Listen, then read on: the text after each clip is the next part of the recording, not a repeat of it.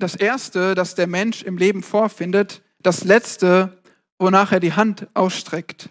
Das Kostbarste, was er im Leben besitzt, ist die Familie. So sagte Adolf Kolping. Und viele würden ihm zustimmen. Laut einer Umfrage vor kurzem haben viele Europäer gesagt, dass Familie der wichtigste Wert in ihrem Leben ist. Noch vor Demokratie und Sicherheit. Und ich zitiere an dieser Stelle sogar mal Reinhard May. Zitat, je kaputter die Welt draußen, desto heiler muss sie zu Hause sein. Zitat Ende. Das ist wohl wahr, aber es ist gar nicht so einfach. Und dazu, ja, schauen wir uns mal ein paar weitere Zitate an. Das Schönste an einer Familie, man ist nie allein. Das Schlechte an einer Familie, man ist nie allein. Ihr kennt das. Oder gestern war Stromausfall. Kein Internet, kein Fernseher. Ich habe mich dann mit meiner Familie unterhalten. Und sie scheinen ganz nett zu sein. Was ist eine richtige Familie? Die Frau ist die Regierung, der Mann ist das Volk und die Kinder sind die Opposition. Oder vielleicht noch konkreter, ein Baby ist das perfekte Beispiel einer Minderheitsregierung. Wie ist das bei euch zu Hause?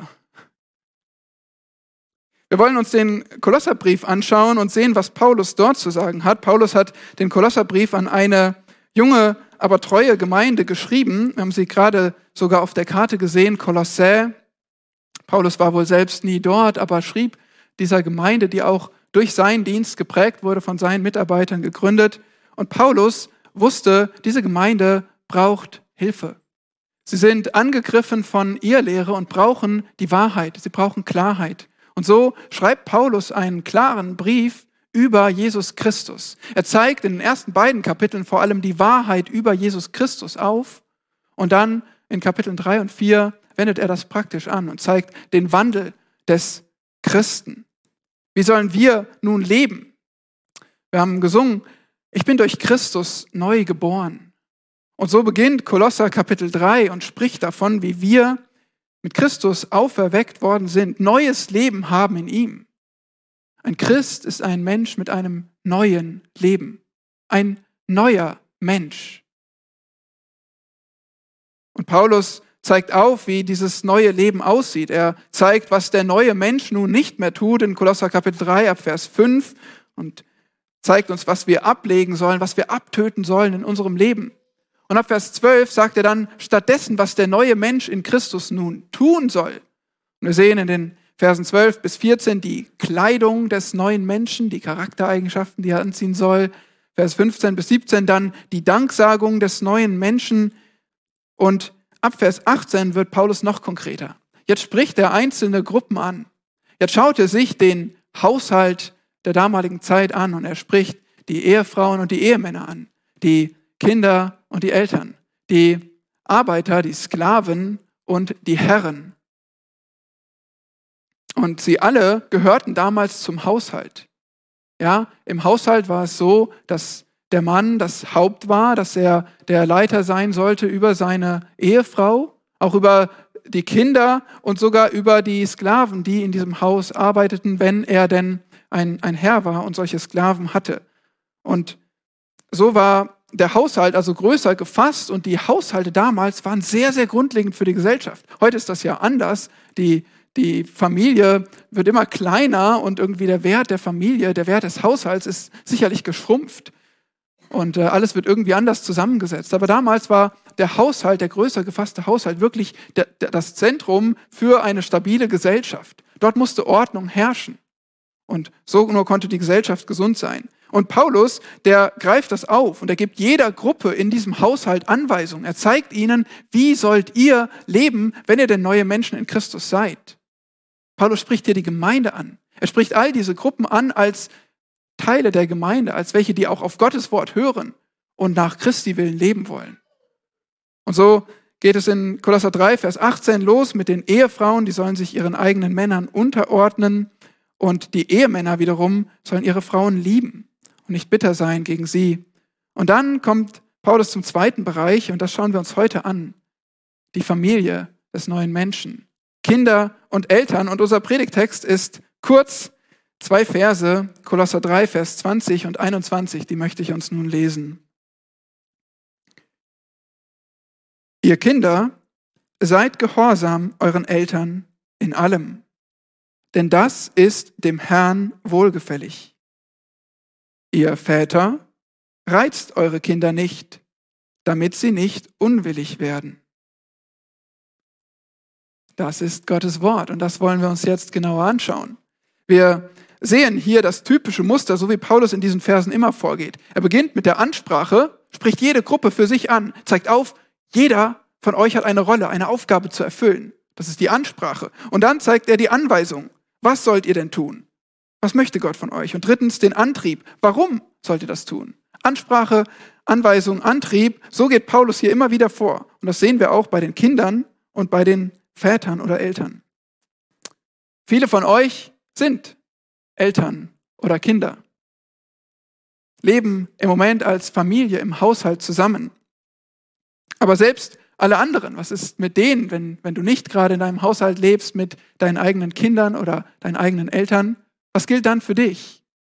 Ja, auch ihr sollt nicht abschalten, weil Gottes Wort spricht genauso zu euch. Entweder ihr werdet selbst mal Eltern werden oder ihr könnt Eltern und Kinder zu jeder Zeit, in jedem Alter unterstützen in ihrem Dienst, in ihrer Berufung, wie sie leben sollen. Und so ist Gottes Wort hier wichtig für uns alle. Wir wollen darauf hören und äh, bitten den Herrn, dass es Frucht bringt in unserem Leben. Wir sehen in diesem Text also zwei Aufforderungen. Zwei Aufforderungen, wie dein neues Leben in Christus deine Familie bestimmen soll. Zwei Aufforderungen, wie dein neues Leben in Christus deine Familie bestimmen soll. Und zwar entweder als Kinder gehorcht euren Eltern, Vers 20, als Kinder gehorcht euren Eltern oder als Eltern, Vers 21, reizt eure Kinder nicht. Als Eltern reizt eure Kinder nicht. Und wir beginnen mit dem ersten Punkt, als Kinder gehorcht euren Eltern, Vers 20. Ihr Kinder, seid gehorsam euren Eltern in allem, denn das ist dem Herrn wohlgefällig. Kurz auf den Punkt gebracht. Gut zu verstehen, oder? Dieser Text wirft nicht besonders viele Fragen auf. Klipp und klar. Und wir wollen ihn uns aber trotzdem genauer anschauen. Und wir machen das, so wie ihr Kinder das wahrscheinlich aus der Schule schon kennt, mit ein paar W-Fragen. Wir stellen W-Fragen an den Text. Wer, was, wem, wann und warum. Und so wollen wir diesen Vers unter die Lupe nehmen. Wer? Erstens wer? Wer ist hier angesprochen? Ihr Kinder, ganz genau. Zuerst sind die Kinder dran. Und es ist toll, dass ich einige Kinder hier sitzen sehen darf. Viele Kinder, viele schon noch jung, einige schon älter, auch Teenager. Und für euch ist diese Aufforderung, für euch ist das Wort Gottes hier. Und es ist quasi eine Kinderpredigt, eine Predigt für dich als Kind.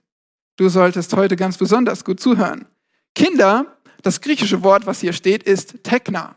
Und das ist ein Wort, was einfach alle Kinder meint. Junge, Mädchen, ob älter oder jünger, auch für Teens verwendet. Es gibt andere Wörter, die zum Beispiel konkret Kleinkinder ansprechen, aber nein, alle Kinder sind gemeint. Also wenn du ein Kind bist und zu Hause bist, dann bist du angesprochen. Besonders ist es wichtig für euch Kinder, die ihr schon sagt, ich glaube Jesus Christus und ich möchte für ihn leben, ich möchte ihm nachfolgen. Weil Paulus spricht hier die Gemeinde an, er spricht Kinder an, die zuhören wollen, die das ernst nehmen wollen und die wirklich Gott gehorchen wollen. Wenn wir das tun als Kinder, dann sagen wir, Gott damit, ich, ich möchte tun, was dir gefällt, ich möchte dich ehren, das für dich tun.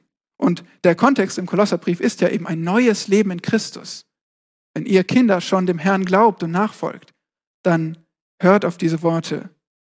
Also wer ihr Kinder? Zweitens, was? Was steht hier? Seid gehorsam. Darum geht es. Und ich vermute mal, ihr Kinder, das ist euer Lieblingsthema, oder? Gehorsam.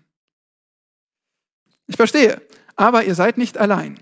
Schaut mal, vorher wurden schon die Ehefrauen angesprochen. Die sollten sich ihren eigenen Männern unterordnen. Und gleich nach den Kindern werden die Sklaven oder Arbeiter im Haus angesprochen. Die sollen sich den, sollen den Herren gehorchen. Genau das gleiche Wort. Nicht nur Kinder sollen gehorchen, sondern jeder von uns hat irgendwo eine Position, wo er anderen gehorchen und sich unterordnen soll. Und das ist etwas sehr Gutes. Gott liebt Ordnung. Okay? Gott liebt Ordnung. Bei ihm kann nicht einfach jeder machen, was er will.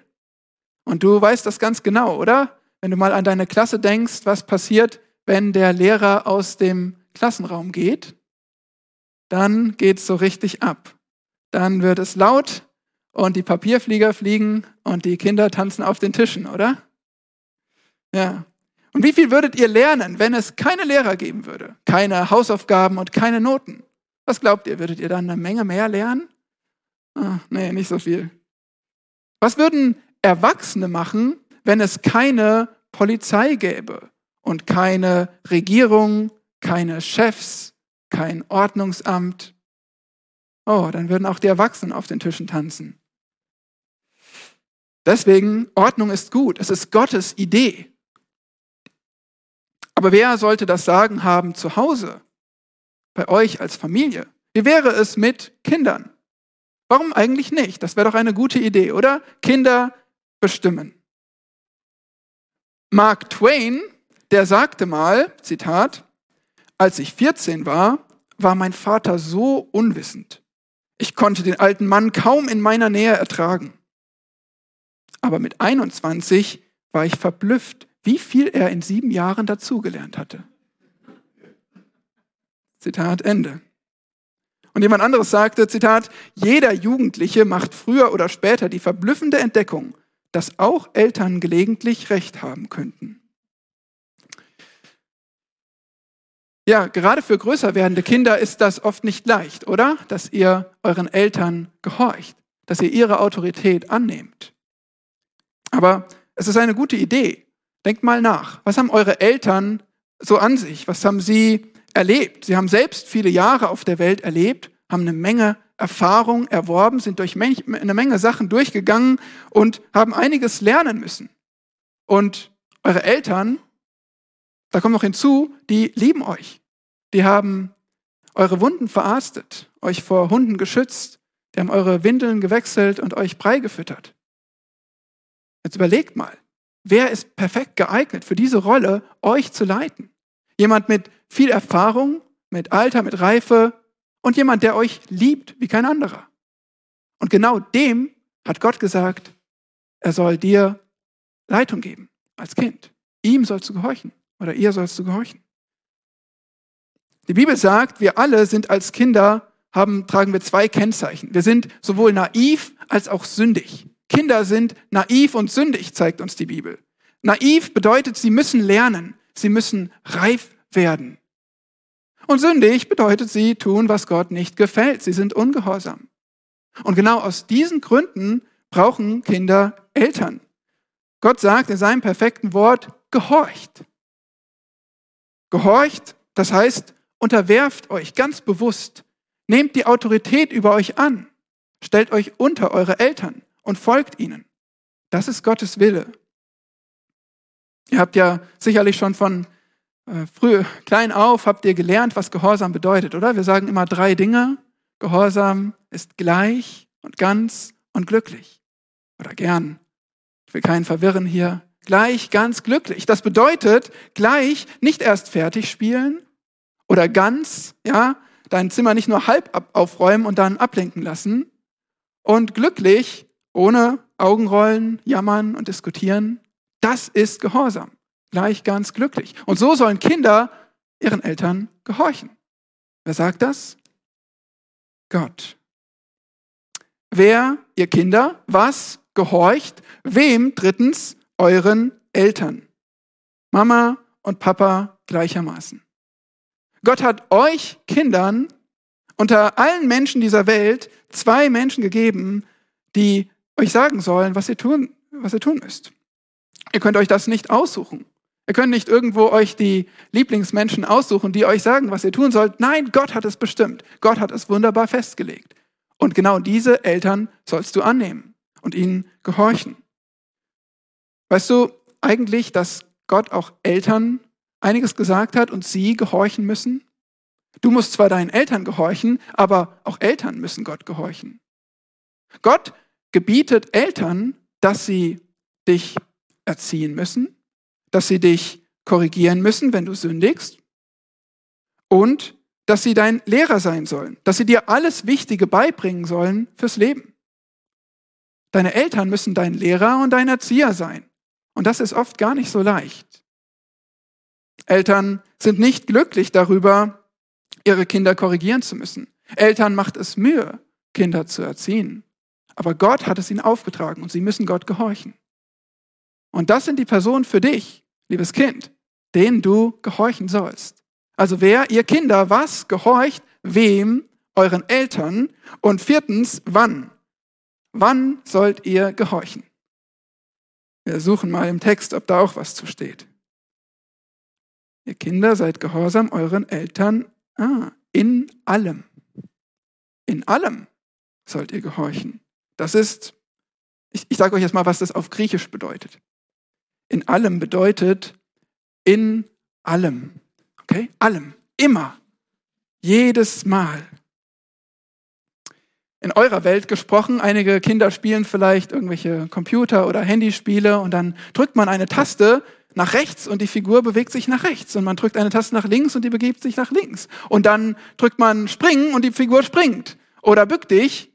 Und so funktioniert das. Immer, in allem. Du musst nur die richtige Taste drücken. Und so sollen Kinder gehorchen. Okay? Die Eltern sagen was und ihr tut es. Das ist Gehorsam. Lass uns mal praktischer werden. In allem heißt, was immer deine Eltern dir auftragen. Zum Beispiel zur Schule, zu den Hausaufgaben oder zur Arbeit.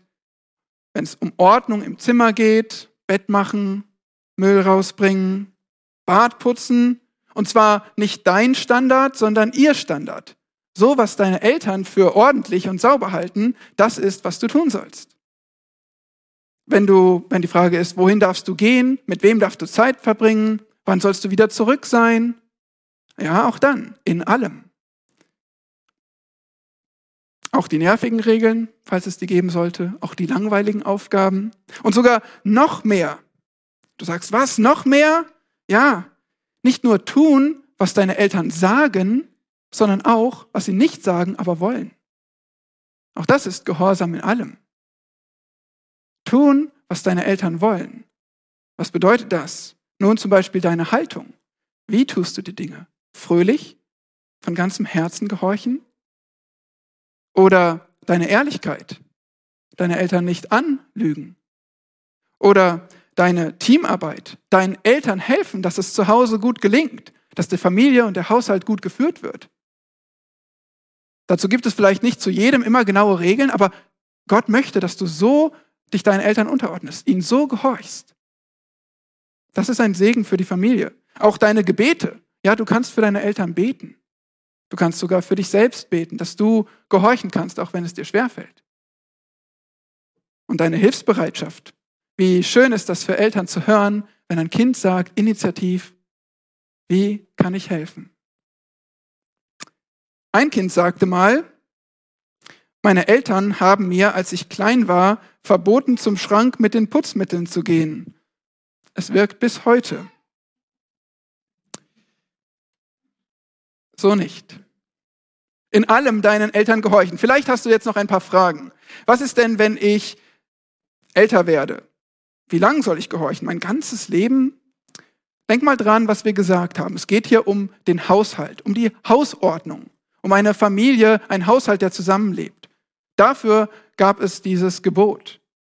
Und wenn du irgendwann mal alt und reif genug bist, deine eigene Familie zu gründen und äh, nicht mehr unter dem Dach deiner Eltern zu leben, dann wirst du hoffentlich so reif und so weit und gottesfürchtig sein, dass du selbst gute Entscheidungen treffen kannst. Dann werden deine Eltern dir nicht mehr alles genau vorschreiben und hoffentlich weißt du bis dahin, wie man ein Bad putzt. Die zweite Frage ist, was ist, wenn meine Eltern mir gebieten, etwas zu tun, was gegen Gottes Wort geht? Dann muss ich doch Gott mehr gehorchen, oder? Ganz richtig. Wir müssen Gott mehr gehorchen als den Menschen. Ich vermute aber, dass das in deinem Leben nicht so häufig vorgekommen ist oder zutrifft. Wir sind sehr dankbar, gerade wenn wir hier sehen, die christliche Familie wird angesprochen in der Gemeinde, dann sollen wir einfach den Eltern gehorchen. Natürlich sollen wir prüfen, ob die Eltern wollen, dass wir sündigen. Aber ich denke, wenn du genau hinschaust, ist das meistens nicht der Fall oder sogar nie. Also, der Punkt ist, gehorche deinen Eltern in allem. Und so haben wir gesehen, wer, ihr Kinder, was gehorcht, wem, euren Eltern, wann, in allem und fünftens, warum. Ja, das ist eine gute Frage. Warum eigentlich? Hier steht im Text, denn das ist dem Herrn wohlgefällig. Es ist gut, es ist angenehm in Gottes Augen. Gott gefällt es. Du hast eine Frage? Okay. Gut. Gott sieht das Kind, was den Eltern gehorcht, mit Freuden, mit Wohlgefallen an. Okay? Gott freut sich, wenn du als Kind deinen Eltern gehorchst. Ist es nicht schön, wenn du Gott erfreuen kannst? Das ist wohlgefällig für den Herrn. In Epheser 6, in der Parallelstelle, könnt ihr mal hinblättern, zwei Bücher vor Kolosser, in Epheser Kapitel 6, da steht in Vers 1 bis 3, ihr Kinder, seid gehorsam euren Eltern in dem Herrn, denn das ist Recht. Das kennen wir schon, dieses Gebot. Aber dann geht es noch weiter, Vers 2. Du sollst deinen Vater und deine Mutter ehren. Das ist das erste Gebot mit einer Verheißung. Damit es dir gut geht und du lange lebst auf Erden. Hier zeigt Paulus uns noch weitere Gründe, warum du deinen Eltern gehorchen sollst. Hier sagt er nämlich, es steht schon in den zehn Geboten. Es ist schon immer Gottes Wille. Es ist gut in Gottes Augen, wenn Kinder Eltern ehren, also wertschätzen. Was könnte man sagen? Freundlich von deinen Eltern reden, gut von deinen Eltern reden. Tust du das? Redest du gut von deinen Eltern? Schätzt du sie? Nicht nur am Muttertag? Und dieses Ehren, das hört nicht auf. Das hört niemals auf. Auch wenn du ausgezogen bist zu Hause, das Elternehren hört niemals auf. Das macht Jesus zum Beispiel sehr deutlich, wenn er den Schriftgelehrten zeigt, dass ja in Markus 7 zum Beispiel dass sie auch ihre Eltern ehren müssen, wenn sie erwachsen sind. Jederzeit. Und hier steht auch in Epheser, dass es das Gebot mit einer Verheißung ist. Gott sagt, er segnet gehorsame Kinder. Ich weiß nicht, was du willst für dein Leben als Kind, aber Gott sagt, wenn du gehorchst, mir gefällt das gut. Und ich möchte segnen, wer sowas tut. Das ist ein Versprechen, was Gott gibt. Die Bibel zeigt auch die andere Seite. Sie, sie zeigt uns, Paulus zeigt uns, warum wir gehorchen sollen, aber er zeigt uns auch, wie schlimm es wäre, wenn wir nicht gehorchen. Wenn wir im Alten Testament lesen, und ihr lest ja auch gerade in 3. Mose, lest vom Gesetz, in 5. Mose, da lesen wir in Kapitel 21, dass ungehorsamen Kindern die Todesstrafe drohte. Kinder, die rebellieren gegen ihre Eltern. Wir leben nicht mehr unter diesem Gesetz, aber es zeigt, wie ernst Gott ungehorsam ist von Kindern. Schaut mal in Römer Kapitel 1.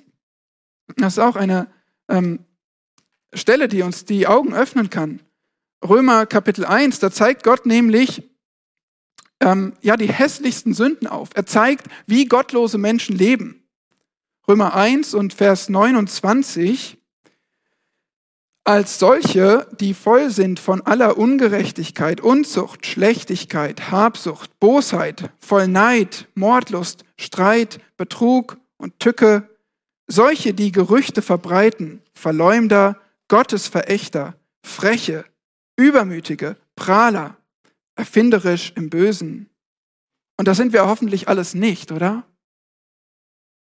Aber dann steht als nächstes in dieser grausamen Liste den Eltern ungehorsam. Versteht ihr? Das kennzeichnet einen gottlosen Menschen, einen bösen Menschen, dass er den Eltern nicht gehorcht. Heutzutage ist das ja anders, oder?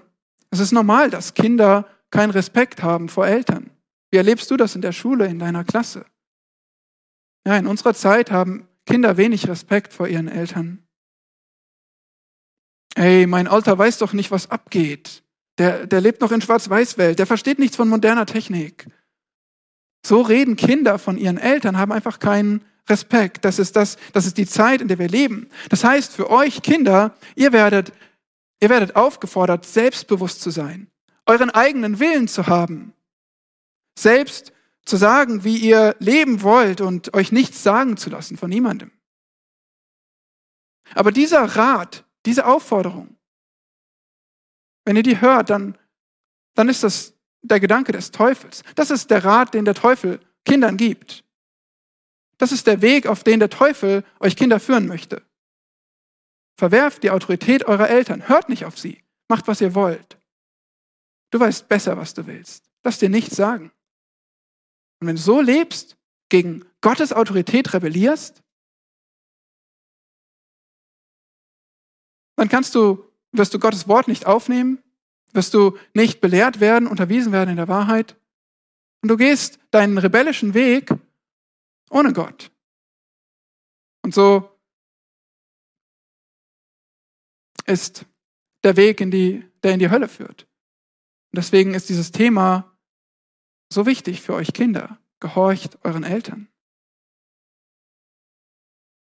Wenn du Gott gehorchen willst, und er ist immerhin dein Schöpfer, er ist die höchste Autorität, er ist vollkommen und gut. Wenn du wirklich Gott gehorchen willst, dann gehorchst du deinen Eltern, weil er hat das gesagt. Du ehrst damit nicht nur deine Eltern, du ehrst damit Gott, aber wenn du gegen deine Eltern rebellierst, dann rebellierst du gleichzeitig gegen Gott. Dann hebst du nicht nur deine Faust auf gegen deine Eltern, sondern auch gegen Gott. Sagst, auf dich will ich nicht hören. Die ordne ich mich nicht unter.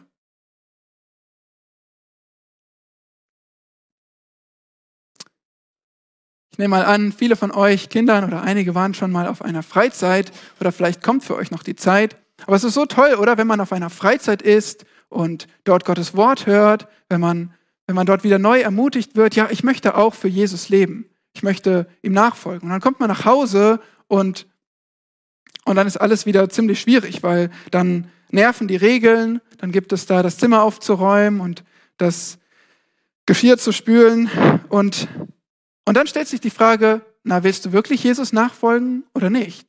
Brennst du wirklich für Jesus? Hast du wirklich dich entschieden, ihm zu gehorchen, ihm zu folgen, ihn zu ehren? Da zeigt sich das in diesem Umfeld. Und, und Jesus, Jesus sagt, die heiligste Sache, die du für mich zu Hause tun kannst, ist, deinen Eltern zu gehorchen. Das ist verrückt, oder? Es ist so klar. Gar nicht so schwer oder schon schwer zu tun. Aber dort müssen Kinder anfangen. Dort musst du anfangen, wenn du Jesus gehorchen willst, dass du deinen Eltern gehorchst. Viele Kinder suchen Gottes Willen für ihr Leben und das ist Gottes Wille für dein Leben. Da musst du anfangen, auf deine Eltern zu hören. Und andererseits, wenn du sagst, ich bin auch Christ, ja, ich nehme das alles an, ich glaube auch an Gott, aber du achtest deine Eltern nicht, Du sagst in deinem Herzen, ich möchte eigentlich nicht hören, ich möchte das nicht tun, ich muss es vielleicht aus Zwang, aber eigentlich will ich was anderes. Dann, dann zeigt dir vielleicht genau das, dass du Gott gar nicht liebst, dass du Gott gar nicht gehorchen willst, dass du, dass du sagst, du kennst ihn und du glaubst auch, dass es ihn gibt, aber eigentlich willst du dich, willst du nicht ihm hören, du möchtest Jesus nicht nachfolgen. Und so ist, zeigt dir die Familie, wo eigentlich dein eigenes Herz ist, liebes Kind, ob du Jesus nachfolgen möchtest. Und wenn, wenn du merkst, dass du rebellierst gegen deine Eltern, weil du eigentlich gegen Gott rebellierst, dann, dann bitte ich dich, dass du dich retten lässt vom Herrn, dass du ihn um Vergebung bittest für deine Rebellion und dass du dich retten lässt von deinen Sünden, weil das möchte Christus für uns tun. Wir können zu ihm beten, wir können zu ihm kommen und er kann uns verändern, auch dass wir uns unseren Eltern unterordnen können, dass es Gehorsam gibt in der Familie. Ihr Kinder, gehorcht euren Eltern. Das war der erste Punkt und das war dieser wichtige Teil für euch Kinder. Aber jetzt, jetzt sind die Eltern dran.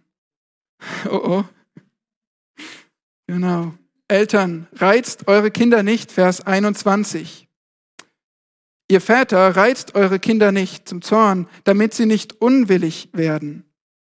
Und auch hier wollen wir wieder ein paar W-Fragen stellen für die Eltern. Wer was, wen und warum. Erstens, wer? Ihr Väter. Ihr Väter steht hier. Naja, gut, vielleicht hätten wir erwartet, dass da steht, ihr Eltern oder so wie in Vers 20. Da wurde das äh, griechische Wort Goneus verwendet, was Eltern bedeutet. Aber hier steht das nicht. Hier steht Väter. Paulus spricht jetzt die Väter an. Aber sollen das nicht beide Eltern tun, was wir hier lesen? Ist das nicht genauso für Mütter wichtig? Oh ja, gewiss. Die Kinder sollen beiden Eltern gehorchen und die Eltern sollen beide die Kinder nicht zum Zorn reizen. Aber denk nochmal zurück an die Struktur in dem Haushalt. Denk nochmal nach, was Gottes Ordnung war in der Familie. Dass der Vater, dass der Mann zu Hause das Haupt sein soll. Und so wird er auch hier angesprochen, vor allem. Wir Väter, wir werden herausgefordert, ganz besonders. Paulus nimmt uns Väter besonders in die Pflicht, und zwar erstens, das selbst zu tun und zweitens, unsere Frauen so zu leiten, dass sie es auch tun. Okay, wir Väter tragen in besonderem Maße die Verantwortung für die Erziehung unserer Kinder. Es ist keineswegs vor allem Sache der Mütter, sondern unsere Verantwortung als Väter. Erstens, wer ihr Väter? Zweitens, was? Reizt nicht. Wie schon bei den Ehemännern in Vers 19, da heißt es, seid nicht bitter gegen sie, da wird etwas Negatives gesagt, weil nahe liegt, dass die Ehemänner das öfter mal tun, bitter sein gegen ihre Frauen. Und genauso hier, es braucht Korrektur. Reizt eure Kinder nicht. Reizen, das Wort bedeutet so viel wie erregen oder provozieren. Es wird verwendet, um ein Feuer anzufachen oder jemanden bis zur Erschöpfung zu treiben. Das ist Reizen. Und genau das, und das ist schrecklich, das können wir mit unseren Kindern tun. Sie bis zur Erschöpfung treiben. Sie reizen. Die Schlachter ergänzt deswegen hier zum Zorn. Wir reizen unsere Kinder zum Zorn, beziehungsweise, wenn wir den restlichen Vers sehen, zur Mutlosigkeit, zur Unwilligkeit, zur Frustration, Verärgerung, zum Aufgeben. Wir Eltern, wir können unsere Kinder dazu bringen, aufzugeben. Zu verzweifeln. Dass sie sagen, es ist alles sinnlos. Ja, ich soll meinen Eltern gehorchen, aber ich kann es ihnen eh nie recht machen. Ich schaff's nicht. Ich gebe auf. Damals war das besonders relevant. In äh, Rom gab es das Patrias Potestas. Da hatte das Familienhaupt unbeschränkte Herrschaftsmacht zu Hause. Und es gab Häupter der Familien, Väter, die ihre Kinder einsperren, eingesperrt haben oder verkauft haben oder gar umgebracht haben. So haben sie ihre Macht, ihre Autorität zu Hause missbraucht. Vor diesem Hintergrund ist das Gebot, was Paulus hier gibt, revolutionär. Ihr Väter, das dürft ihr nicht. Reizt eure Kinder nicht. Wer, ihr Väter, was reizt nicht? Drittens, wen? Eure Kinder. Haben wir jetzt lange drüber gesprochen. Unsere Kinder sind ständig bei uns, die sind uns anvertraut als Eltern und wir, wir können ihnen Gehorsam leicht machen oder sehr schwer machen. Wir können ihnen Gehorsam sehr schwer machen. Und das Gebot hier ist, mach deinen Kindern den Gehorsam nicht unnötig schwer, reize sie nicht. Viertens, warum? Damit sie nicht unwillig werden. Unwillig oder entmutigt, mutlos in der Elberfelder, verzagt in der Luther. Es geht um eine Niedergeschlagenheit bis zum Verlust von Motivation. Wie schon gesagt, keine Kraft mehr haben, aufgeben.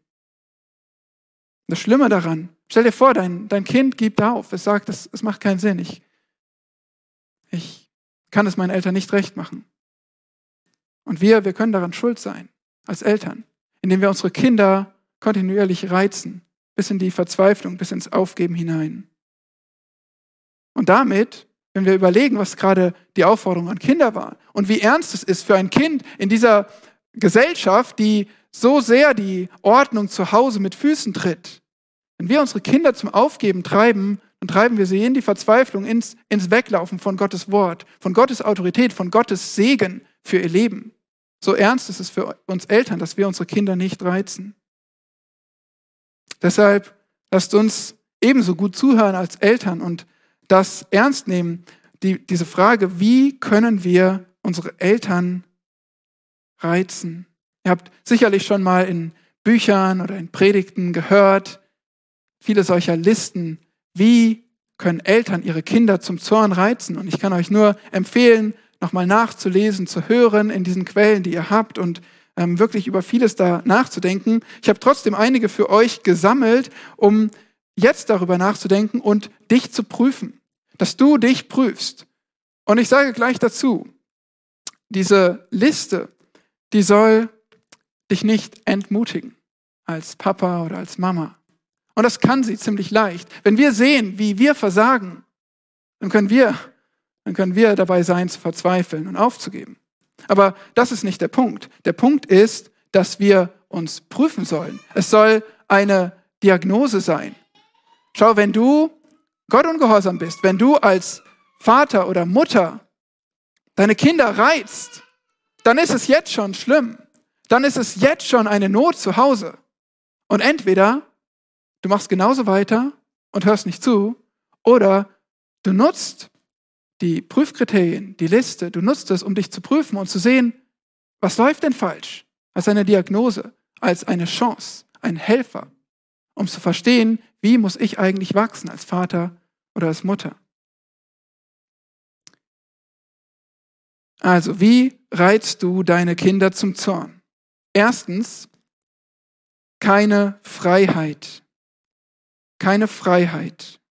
Wenn wir für jedes kleinste Regeln haben, wie Fesseln an den Händen von einem harten Herrscher,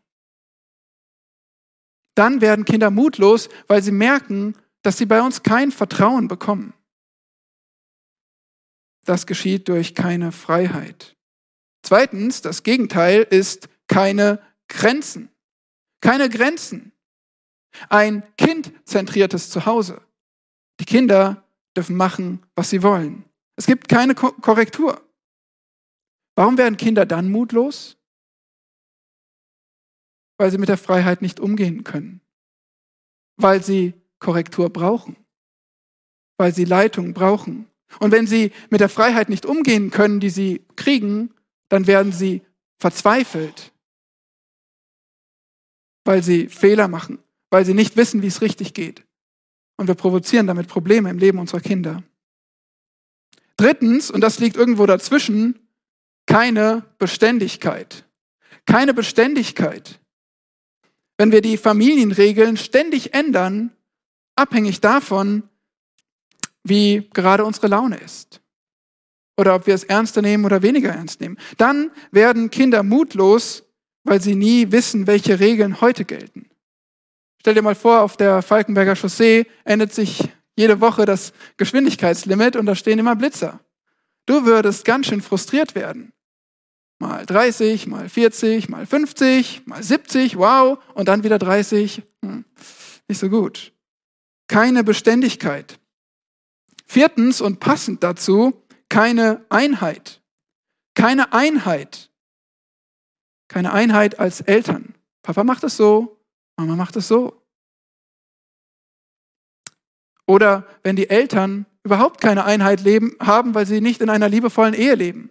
Auch das macht unsere Kinder mutlos, weil sie verwirrt sind und weil sie keinen Halt finden in ihrer Familie.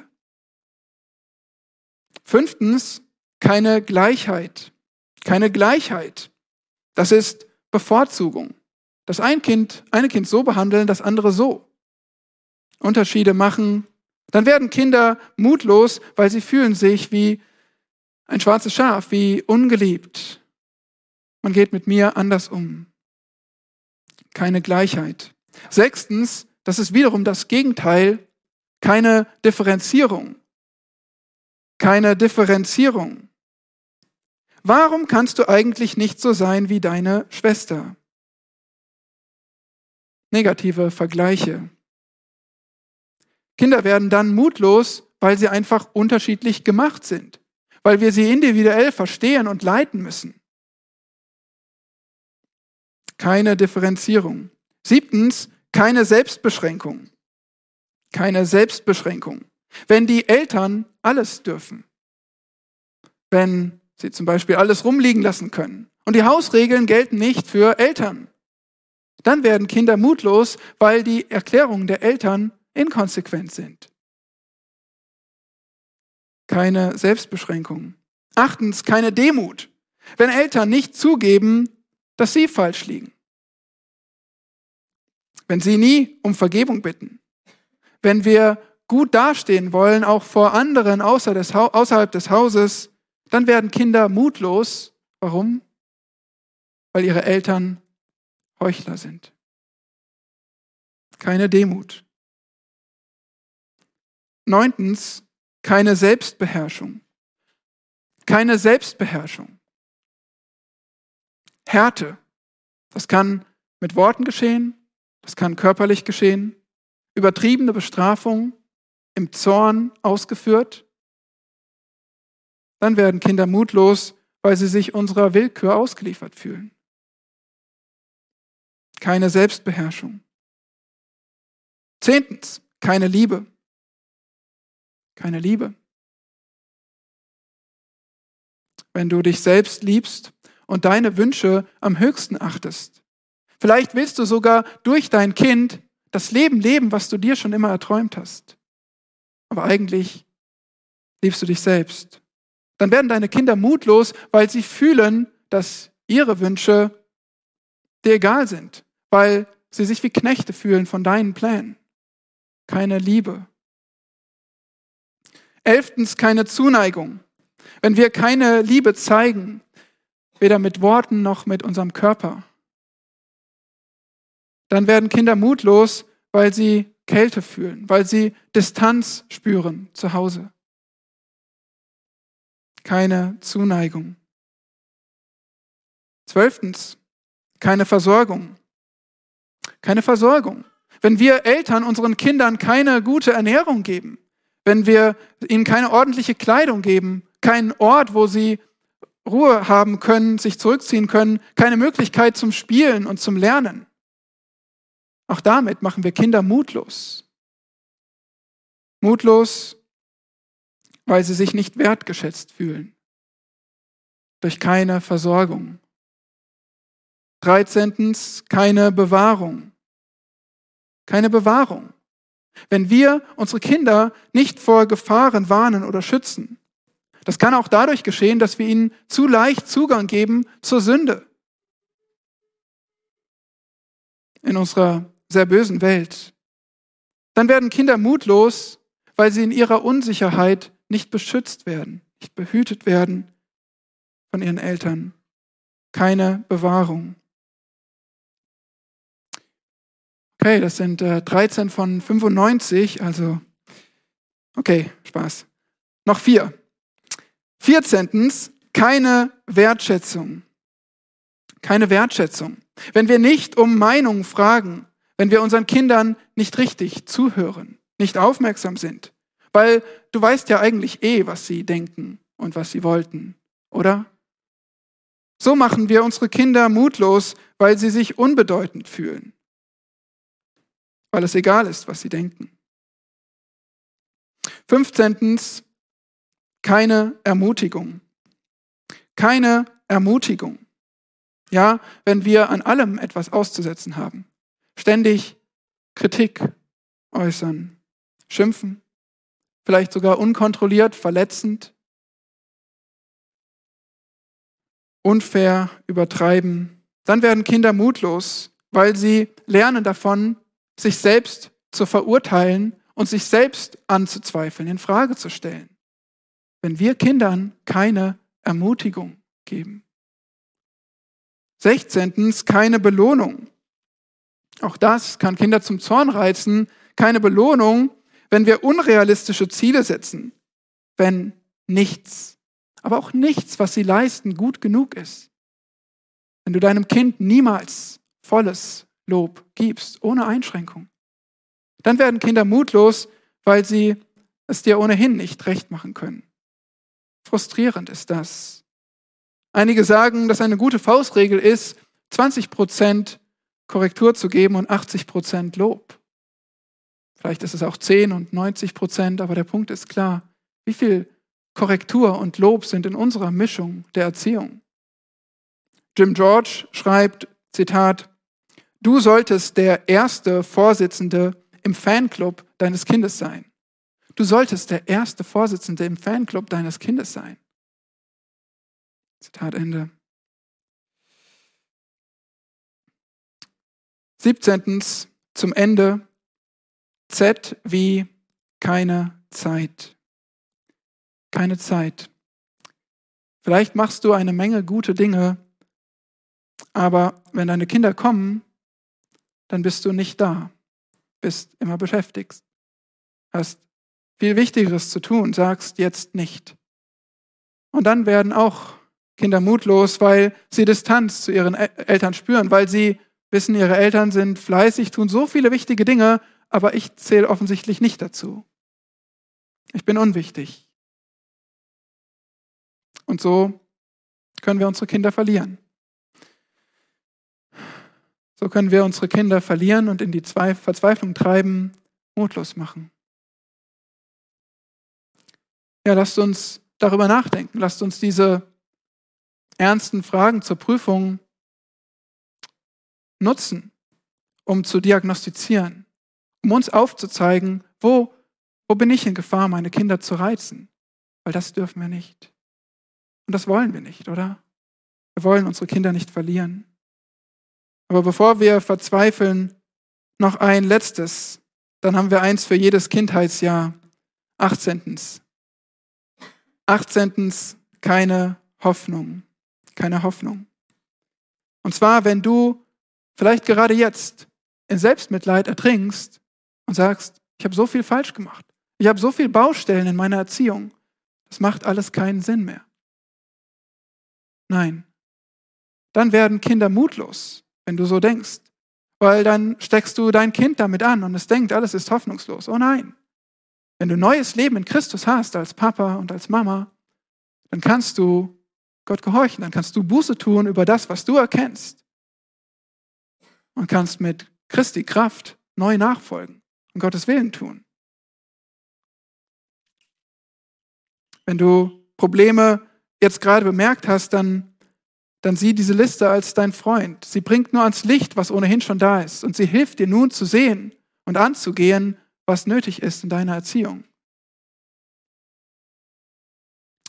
Keine Freiheit, keine Grenzen, keine Beständigkeit, keine Einheit, keine Gleichheit, keine Differenzierung, keine Selbstbeschränkung, keine Demut, keine Selbstbeherrschung, keine Liebe keine Zuneigung, keine Versorgung, keine Bewahrung, keine Wertschätzung, keine Ermutigung, keine Belohnung, keine Zeit, keine Hoffnung.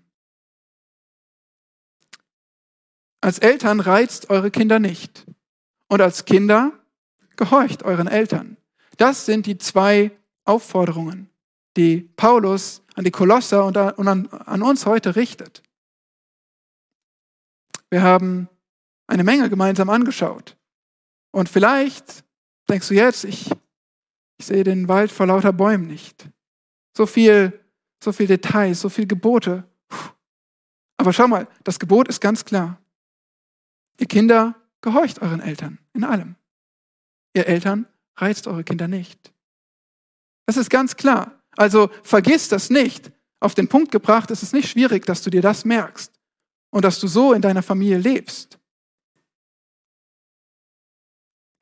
Was außerdem so toll ist an diesem Text, ist, dass wirklich jede Seite bei all diesen, in der Ehe, in der Familie, auch in der Arbeitswelt, jede Seite kriegt ihr Gebot. Völlig fair. Jeder hat seine Pflicht zu tun. Jeder kann dazu beitragen, dass der Haushalt, dass die Familie, dass das Zuhause so ist, wie es Gott gefällt. Kinder, ihr wurdet herausgefordert, Eltern, ihr wurdet herausgefordert. Und diese beiden Gebote ergänzen sich natürlich. Ihr Eltern, wenn ihr eure Kinder nicht reizt, macht es ihnen so viel leichter zu gehorchen. Ihr Kinder, Wenn ihr euren Eltern gehorcht, macht ihr es ihnen so viel leichter, euch nicht zu reizen.